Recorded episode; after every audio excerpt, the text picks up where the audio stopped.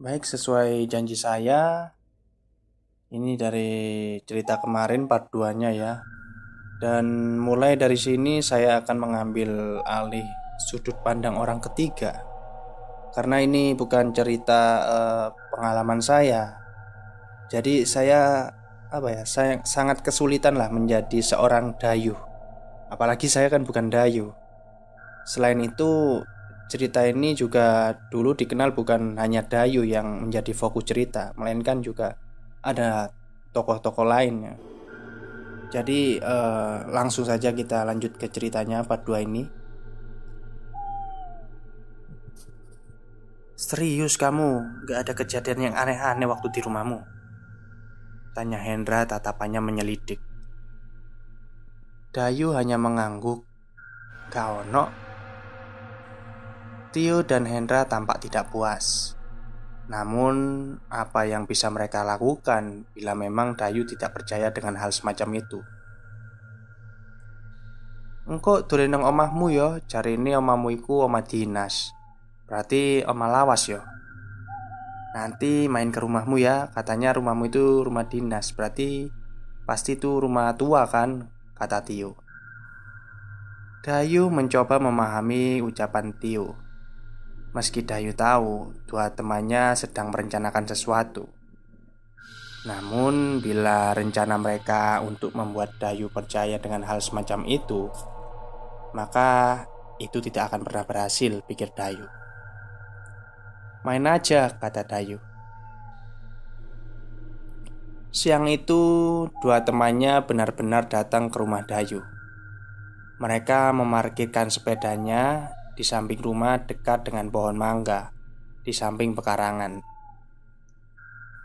Sudah lama mereka berteman, namun ini untuk yang pertama kalinya mereka berkunjung ke rumah Dayu. Rumah dinas tua yang sudah dikenal semua orang di kota ini dengan sebutan Pondok Pegawai Negeri. Karena hampir semua rumah di lingkungan itu milik pegawai negeri. Sangat mudah dikenali karena bangunannya serta pengarangan yang luas itu terdapat sentuhan kuno secara sejarah.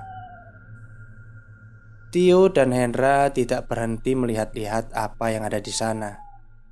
Mulai dari bakar besi tua berkarat di setiap rumah, pohon-pohon besar dengan banyak varian tumbuhan dan bunga, membuat mereka bertanya-tanya, Apakah rumah sebesar ini tidak menyimpan hal menakutkan di dalamnya?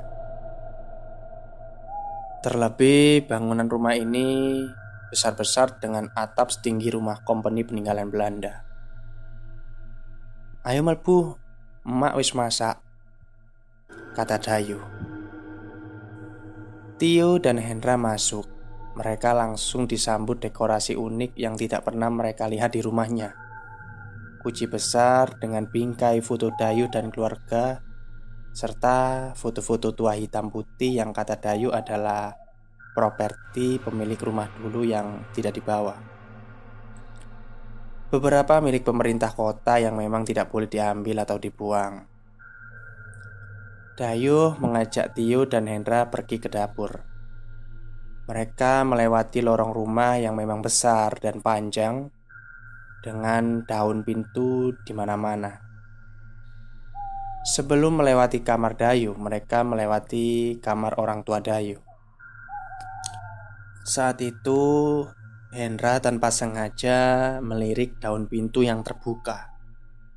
Di sana ia melihat seorang wanita membelakanginya, tampak asyik dengan menyisir rambutnya yang hitam dan panjang. Ia duduk bersila, hanya menampilkan visual dari gaun putih yang tampak familiar. Beberapa saat ia melongo. Ada segaris ingatan seperti Hendra pernah melihat, namun samar-samar. Ia melupakannya. Maksud hati ingin bertanya, namun keinginan itu menguap begitu saja. Di dapur, mereka melahap sambal tomat dengan jeruk nipis berlaukan tahu dan tempe cukup untuk menghilangkan lapar mereka. Ibumu nang diu? Tanya Tio. Emak. Ah paling neng tonggo Mari kilak mule Kata Dayu Yuh Kamu kok nggak bilang sih kalau punya kakak perempuan? Tanya Hendra Dayu terdiam sebelum mencoba mencerna kalimat Hendra. Sebelum mengatakan Gak duwe Aku kan anak barep Loh. Terus sing nang kamar ngarepiku sopo? Duwe bibik ta? Tanya Hendra. Bibik? Dayu menggeleng. Gak ono bibik neng kene Me ono aku, bapak, emak, Hanif. Kamar ngarep endi sih? Tanya Dayu penasaran. Saya nggak ngarep mau lo Kata Hendra meyakinkan. Iku kamar wong tuaku. Tapi aku mau ndelok ono wong wedok surian. Jawab Hendra meyakinkan Dayu Ucapan Hendra membuat Dayu kebingungan. Bila itu yang Hendra inginkan membuat takut dirinya dengan hal semacam itu, itu tidak akan menggoyahkan Dayu. Maka saat itu juga Dayu mengajak Hendra dan Tio memeriksanya. Ketika sampai di kamar orang tua Dayu, Dayu membuka pintu itu. Perlahan, ketika pintu berdiri terbuka, mereka tidak melihat siapa pun di sana, alias kosong. Tidak ada siapa pun di sana, hanya kamar berisikan ranjang yang ditutup tirai dengan daun jendela terbuka. Selain itu, tidak ada apa pun kecuali perabotan yang umumnya ada di kamar. Ojo ngono ta. Guyon ya guyon, tapi ojo kenemenen. Jangan begitu tak. Kalau bercanda ya bercanda Tapi jangan keterlaluan Kata Dayu. Mencoba menyampaikan ketidaksukaannya dengan apa yang Hendra lakukan. Hendra hanya diam. Sesekali ia melirik Tio yang sepertinya percaya dengan ucapannya. Namun karena Dayu sudah membuktikan ucapannya Membuat Hendra tidak berkutik siang itu. Mereka kemudian masuk ke dalam kamar Dayu dan mencoba melupakan apa yang baru saja terjadi. Sesaat setelah mereka masuk ke dalam kamar Dayu, Tio dan Hendra berpandangan lagi, menatap satu sama lain sebelum mengatakan, "Berani kam sekali kamu, Yu. Apa nggak salah penempatan ranjangmu ini?" kata Tio. "Maksudmu?" jawab Dayu penasaran. "Ini tempat tidurmu Kepala di utara, kaki di selatan. Udah seperti orang yang mau dikuburkan saja. Apa nggak takut didatangi setan? Dayu yang mendengar omongan si Tio ini agak marah ya. Sudahlah, kamu jangan percaya dengan hal begituan. Hendra dan Tio benar-benar sudah tidak bisa mengatakan apa pun. Dayu benar Dayu Seperti namanya Ia lebih keras dari batu kali Umumnya di Jawa Terutama di Jawa Timur ya Mereka itu menghindari posisi tidur untuk tidak menyerupai mayat di mana posisi itu dapat mendatangkan kesialan yang mungkin ikut datang. Selain itu, posisi tersebut dianggap tak lazim karena dipercaya memanggil mereka yang sudah meninggal. Sepanjang siang mereka mengobrol ke sana kemari sembari bercerita apa pun lah. Sampai tiba-tiba Tio tercetus sebuah ide untuk memainkan sebuah permainan yang dulu menjadi semacam euforia menguji mental anak seumuran mereka. Jalangkung pensil. Begitu anak-anak memanggilnya dulu. Meski awalnya menolak, Dayu tidak bisa membuat kedua temannya menghentikan permainan konyol itu. Bahkan sebegitu terkenalnya permainan itu sampai Dayu tahu cara memainkannya. Meski dengan beberapa media yang berbeda. Hendra sudah selesai menulis huruf abjad A sampai Z dan menuliskan angka 0 sampai 9. Dan terakhir, dengan sentuhan gambar titik awal pensil diletakkan di media kertas. Tio memastikan pintu dan jendela ditutup. Sementara Dayu memperhatikan kedua temannya seantusias itu dengan hal ini. Hendra memanggil Dayu dan Tio, meminta mereka memindahkan pensil dari satu tangan ke tangan yang lain. Di sana, mereka diminta membaca salah satu kalimat yang tentu banyak dikenal oleh orang. Kalimat itu bisa memanggil mereka dalam tanda kutip yang ada di sekitar kamar itu. Meski mengganggu, Dayu merasakan ada sentuhan mistis di saat ia mengucapkan itu. Seperti intensitas seakan di dalam kamar itu tidak lagi hanya ada mereka bertiga. Anehnya, pensil berhenti tepat di tangan Hendra. Sehingga Dayu dan Tiola yang berhak mengajukan pertanyaan pada Hendra. Di sana ia akan berpura-pura menjadi tangan kanan dari mereka yang bersedia. Ayo tako, kata Hendra yang sudah menempelkan pensil pada media kertas itu. Peraturannya adalah Hendra tidak boleh mengangkat pensil itu dari permukaan kertas. Ia hanya boleh menggores kertas itu dengan coretan dan bentuk kalimat yang dipertanyakan. Meski Dayu merasa Hendra berpura-pura berperan, seakan ia benar-benar digerakkan oleh kekuatan tak terlihat. Namun cara Hendra memainkan peranannya ini benar-benar luar biasa. Tangannya gemetar seakan menunggu pertanyaan. Nuwun sewu, kata Tio. Apakah di sini ada yang bersedia main dengan kami? Hendra menatap Tio dan dengan perlahan tangannya bergerak Menggores pensil dan melingkari satu kalimat dari dua kalimat yang tersedia di media kertas Iya Dayu hanya memperhatikan Ia masih belum bisa percaya sepenuhnya Apakah harus sejauh ini?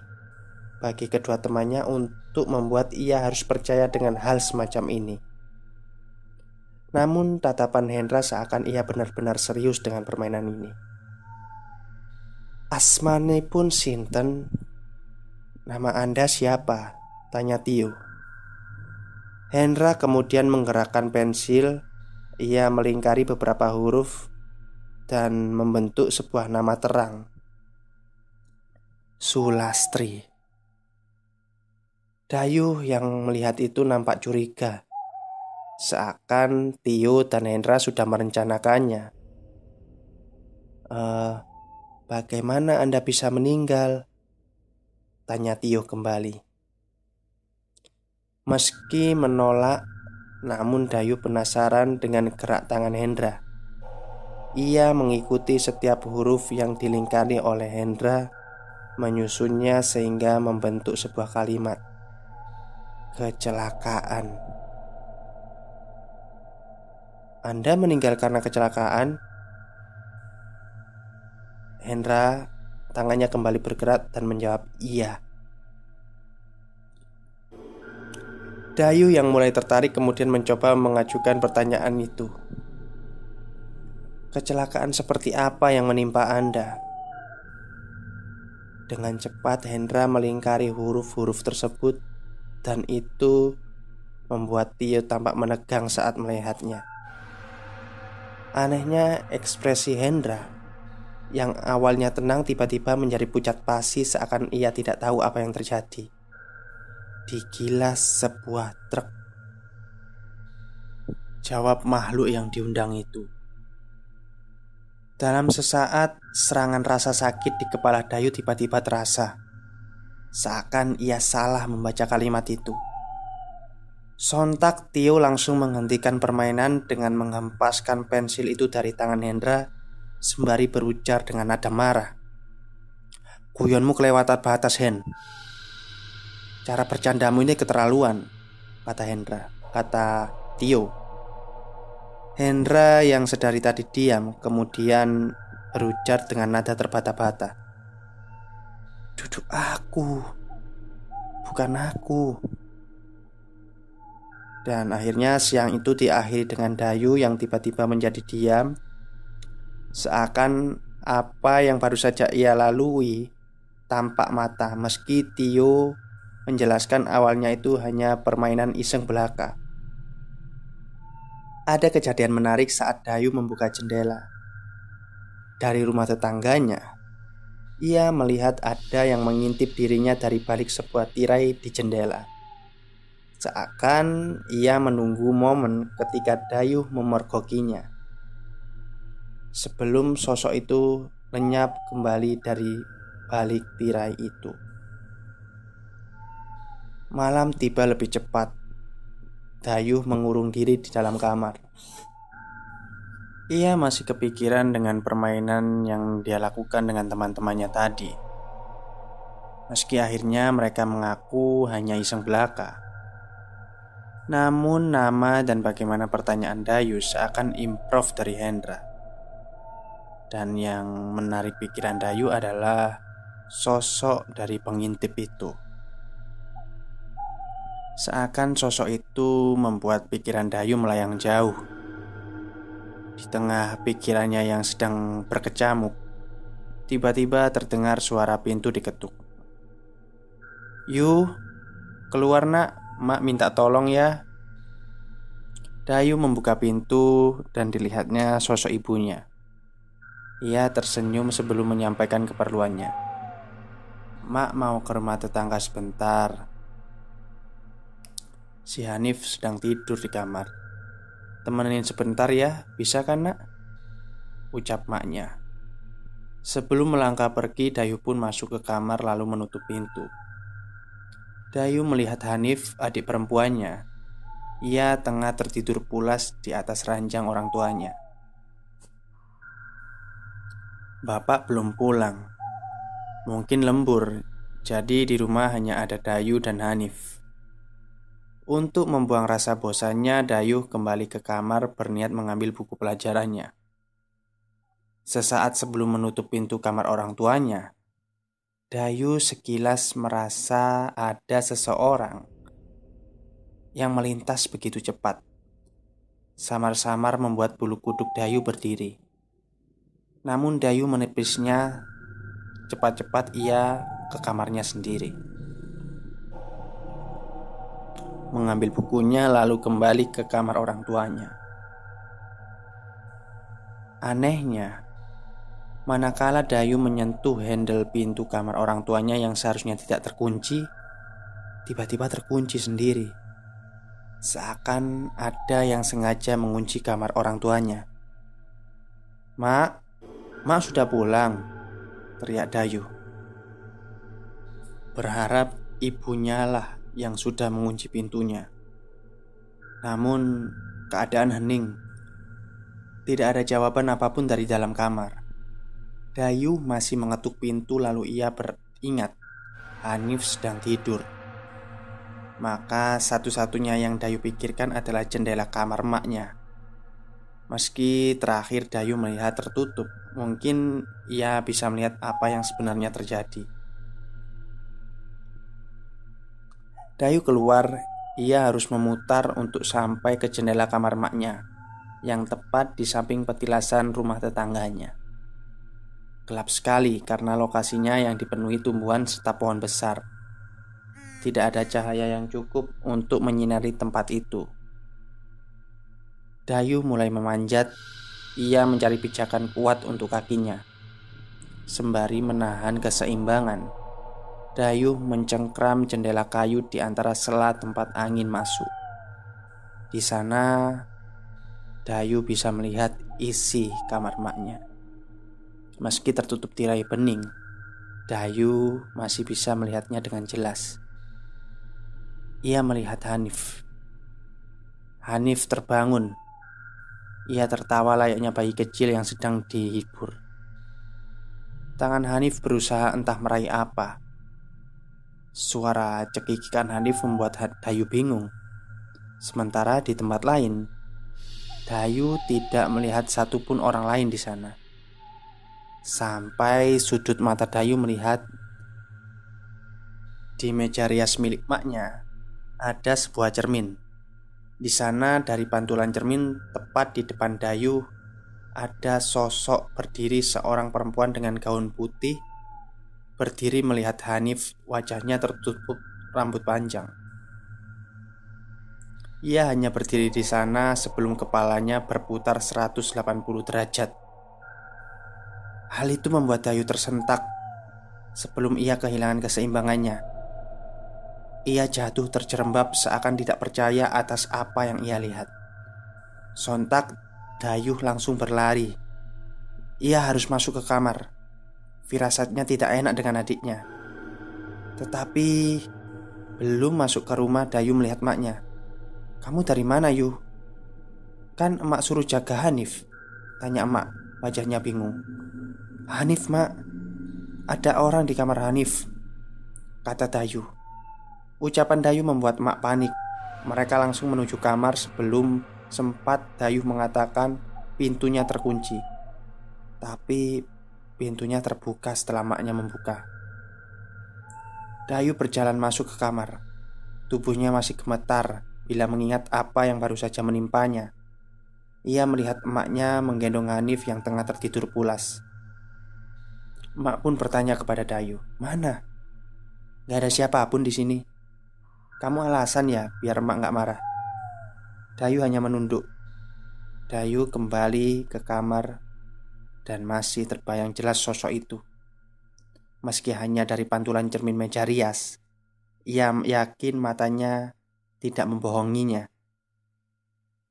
Meski sulit Dayu memejamkan matanya, ia larut dalam mimpinya sebelum pagi menyambut dari tidur lelapnya. Kenapa Yu? Diem aja dari tadi Kata Hendra di sekolah Gak apa-apa Jawab Dayu masih bingung. Haruskah ia cerita kejadian semalam? Waktu kamu pura-pura kemarin itu beneran kamu sengaja nulis kalau meninggalnya sama kayak mbak yang kita kerjain itu. Dan namanya juga. Hendra mengangguk. Sulastri. Dapat dari mana nama itu? Tanya Dayu. Hendra hanya menatap Dayu Ia melihat sorot mata Berubah seakan penasaran. Gak tahu. Tiba-tiba nyebut nama itu aja. Nggak ada rencana juga pakai nama itu. Kenapa memang? Tanya Hendra. Nggak apa-apa Ucap Dayu sebelum pergi. Dayu baru pulang dari sekolah. Ia mencari di mana emak dan Hanif. Namun tak ditemukan juga keberadaan mereka Manakala Dayu baru saja merebahkan tubuhnya Ia mendengar seseorang mengetok pintunya Dayu menunggu. Bila itu emak, pasti ia memanggilnya. Namun, tak ada suara panggilan apa pun di sana. Hanya ketukan pintu secara terus-menerus yang membuat Dayu kehilangan kesebaran. "Mak." Tidak ada jawaban. Hening. Pintu terus-menerus diketok, seakan sengaja ingin membuat Dayu marah dengan gusar Dayu membuka pintu kamarnya. Sepi. Tidak ada orang di sana. Takut bercampur bingung mulai Dayu rasakan. Maka dengan lelah ia menuju ranjang tidurnya Membiarkan pintunya terbuka begitu saja Agar ia tahu siapa yang sedang mengerjainya. Namun Baru saja Dayu merebahkan badannya Ia tanpa sengaja menemukan berhelai-helai rambut panjang. Tersebar di atas ranjangnya seakan ada yang baru saja meniduri ranjangnya. Tidak ada yang punya rambut sepanjang ini. Rambut pun, rambut emak pun tidak sepanjang ini. Dayu melihatnya dengan seksama Perasaannya semakin tidak enak sebelum ia melihat noda bercak darah di bantalnya. Dayu mulai bimbang. Apakah ada hubungannya dengan perbuatannya tempo hari? Siang itu juga Dayu pergi ke rumah Hendra. Dan kebetulan Hendra ada di rumah. Melihat Dayu datang dengan sepedanya membuat Hendra penasaran.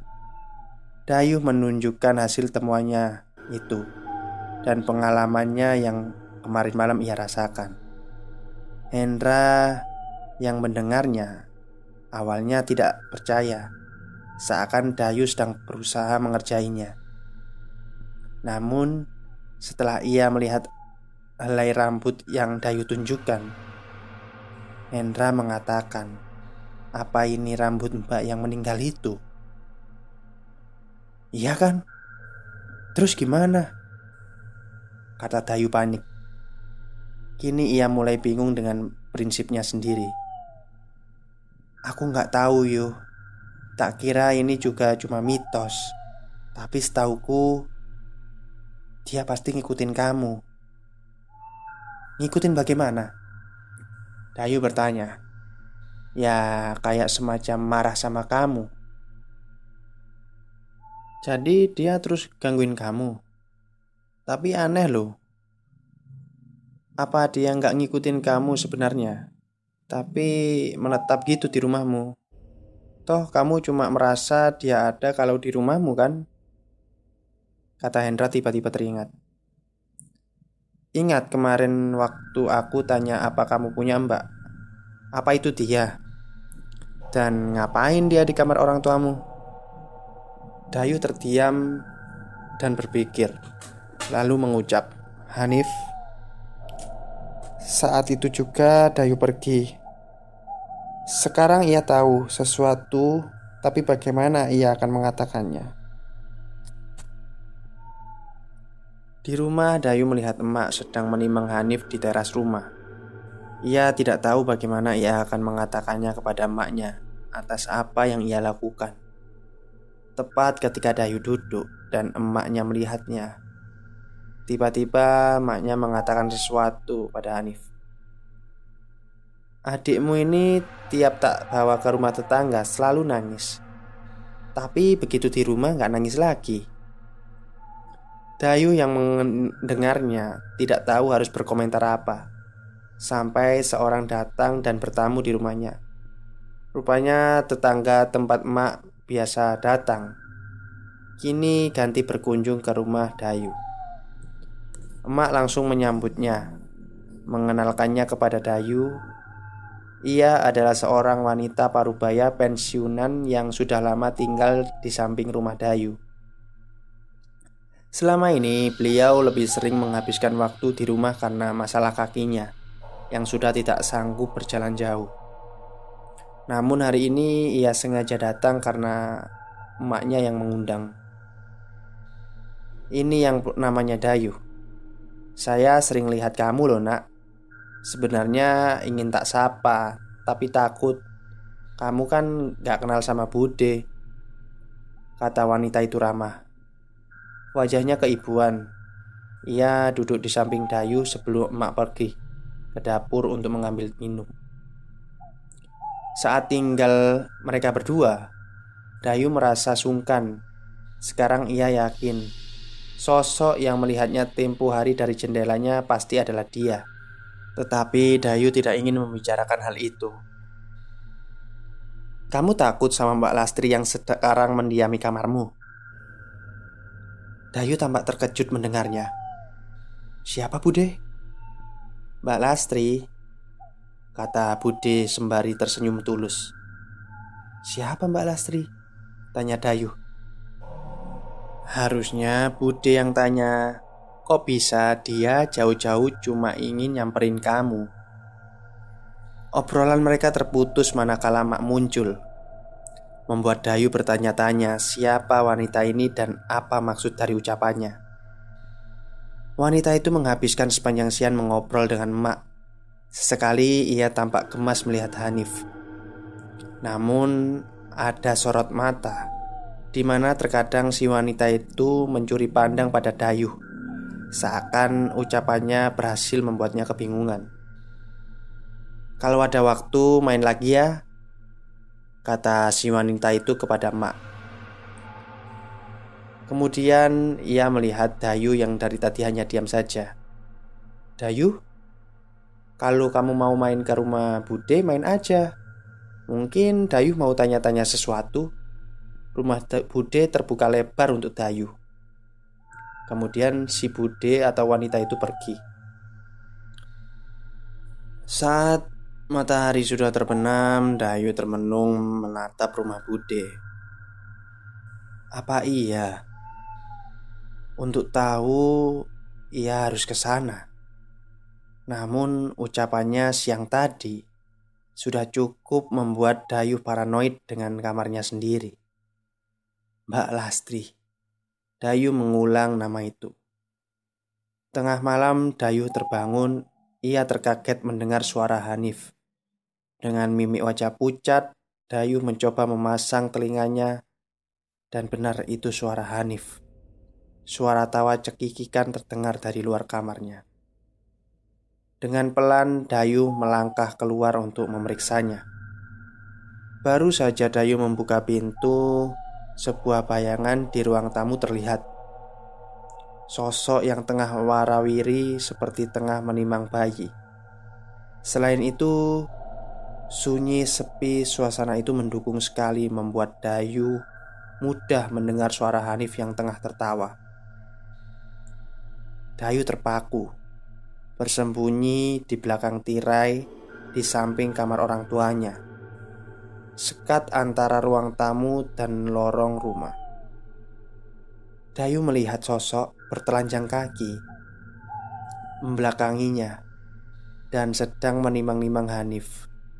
Namun tepat ketika Dayu mengamatinya, sosok itu berhenti bergerak. Ia kemudian membungkuk perlahan menurunkan Hanif Lalu kembali berdiri dengan tetap membelangi Dayu Yang penasaran. Dari balik sosok itu Hanif merangkak mendekati Dayu Suaranya beriak. Dayu langsung menyambutnya sebelum sosok itu lenyap. Hilang begitu saja. Tetapi aroma Hanif berbeda.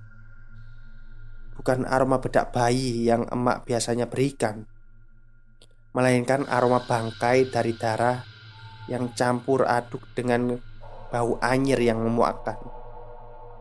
Ketika Dayu melihat Hanif yang ia peluk dengan kedua matanya, Dayu melihat dan memekik berteriak saat melihat sosok kecil itu tertawa tanpa wajah. Bapak dan emak keluar Wajahnya kaget melihat Dayu yang terduduk dengan wajah pucat saat pasi Kamu kenapa Yu? Tanya bapak Di belakang emak Dayu melihat sosok dari wanita yang ia lihat tergilas remuk di dalam truk Dia melihat Dayu dan tersenyum ke arahnya Sebelum ia melangkah pergi Sepulang dari sekolah, Dayu berhenti di depan sebuah rumah. Dari luar, ia masih merasa ragu. Namun, tekad yang sudah Dayu kumpulkan sejak tadi kini menyeruak. Seakan ia memang harus menemui wanita yang akrab ia panggil Bude itu. Benar saja, baru saja dibicarakan Bude keluar menyambutnya.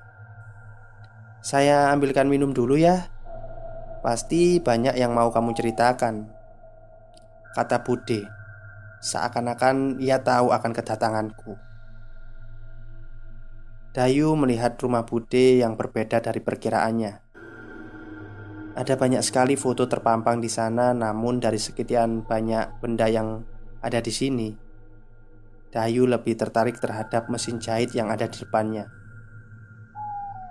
Mungkin setelah pensiun Bude membuka usaha jahit ini. Tidak ada yang spesial selain itu. Sampai akhirnya Bude keluar dengan membawa dua gelas teh dan beberapa kaleng kue. Ayo, mau cerita dari mana dulu? Bude siap mendengarkan, kata Bude. Saya mau cerita tentang Pak Lastri, Bude, kata Dayu. Wajah Bude tampak tertarik Seakan ia mendengarkan dengan serius Meski ada ekspresi geli di wajahnya Seakan-akan itu bukan hal yang mengejutkan. Bude langsung mengatakannya. Kamu apakan dia? Kok bisa sampai dia mengikuti kamu? Mengikuti bagaimana, Bude? Tanya Dayu. Iya, dia sekarang berdiri di belakang kamu. Ucap Bude sembari menunjuk Dayu yang tengah duduk di sofa. Dayu pun ketakutan. Karena tidak tahan, Bude pun menjawab, Haha, saya cuma bercanda Kata Bude Untuk mencoba mencairkan suasana. Dayu sudah tidak bisa berbicara apa-apa lagi. Jadi kenakalan macam apa yang sudah kamu lakukan sama Mbak Lastri ini? Sampai ia tidak ikhlas untuk pergi Dan malah mengikuti Hanif. Dayu pun menceritakan semua, mulai dari kronologi kecelakaan sampai malam ketika ia melakukan tindakan gegabah itu hanya karena termakan ucapan teman-temannya. Dayu mau ngomong sama Mbak Lastri? Tanya Bude tiba-tiba. E, bagaimana caranya Bude?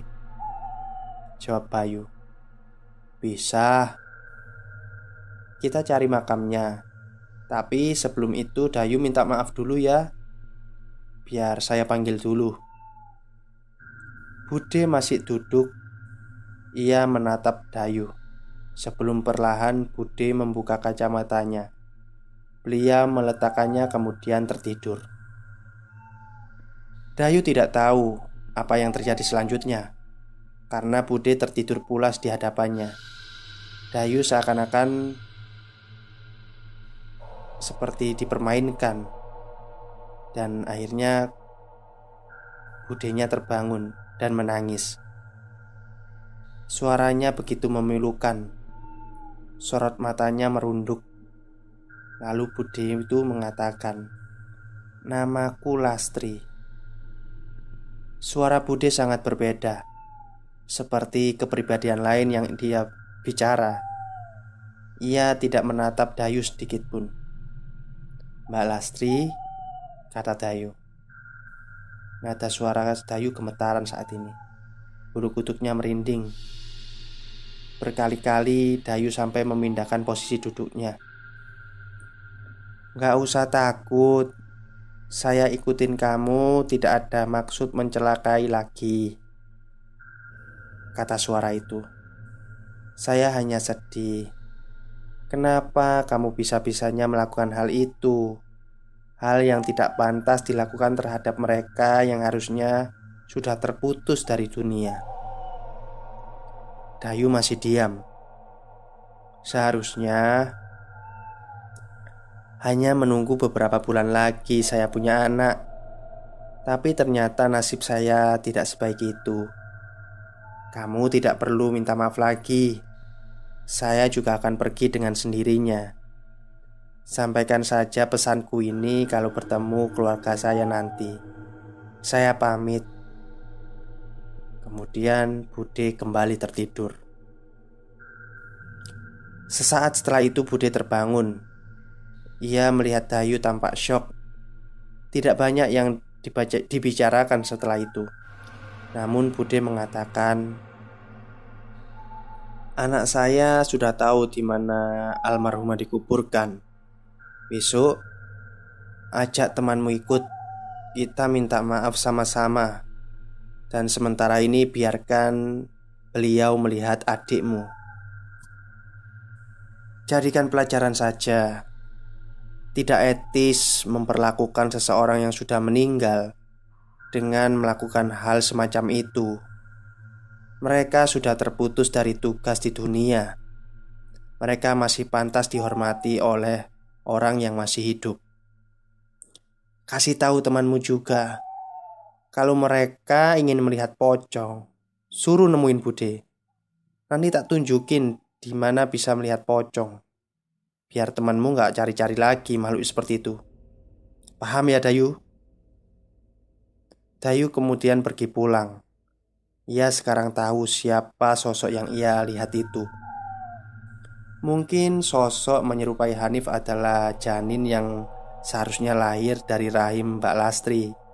Namun ia gagal lahir di dunia. Dan parahnya, Dayu malah meneteskan jeruk nipis di darah Mbak Lastri. Keesokan harinya Dayu mengajak Hendra dan Tio menemui Bude Dan kemudian mereka pergi ke makam Mbak Lastri Ya Dari cerita ini ada pelajaran yang bisa kita petik Bahwasanya penting bagi kita untuk memperlakukan mereka yang sudah meninggal Dengan cara yang terhormat Tanpa harus melakukan hal-hal yang bisa mendatangkan karma atau sejenisnya saya berharap kita tetap mengutamakan kebajikan atau kebijakan dalam menyikapi segala peristiwa yang ada di sekeliling kita. Terima kasih kepada semua pendengar yang sudah mendengarkan podcast saya malam ini. Dan kemudian saya mohon maaf bila ada kesalahan dalam bercerita. Selamat malam dan selamat beristirahat.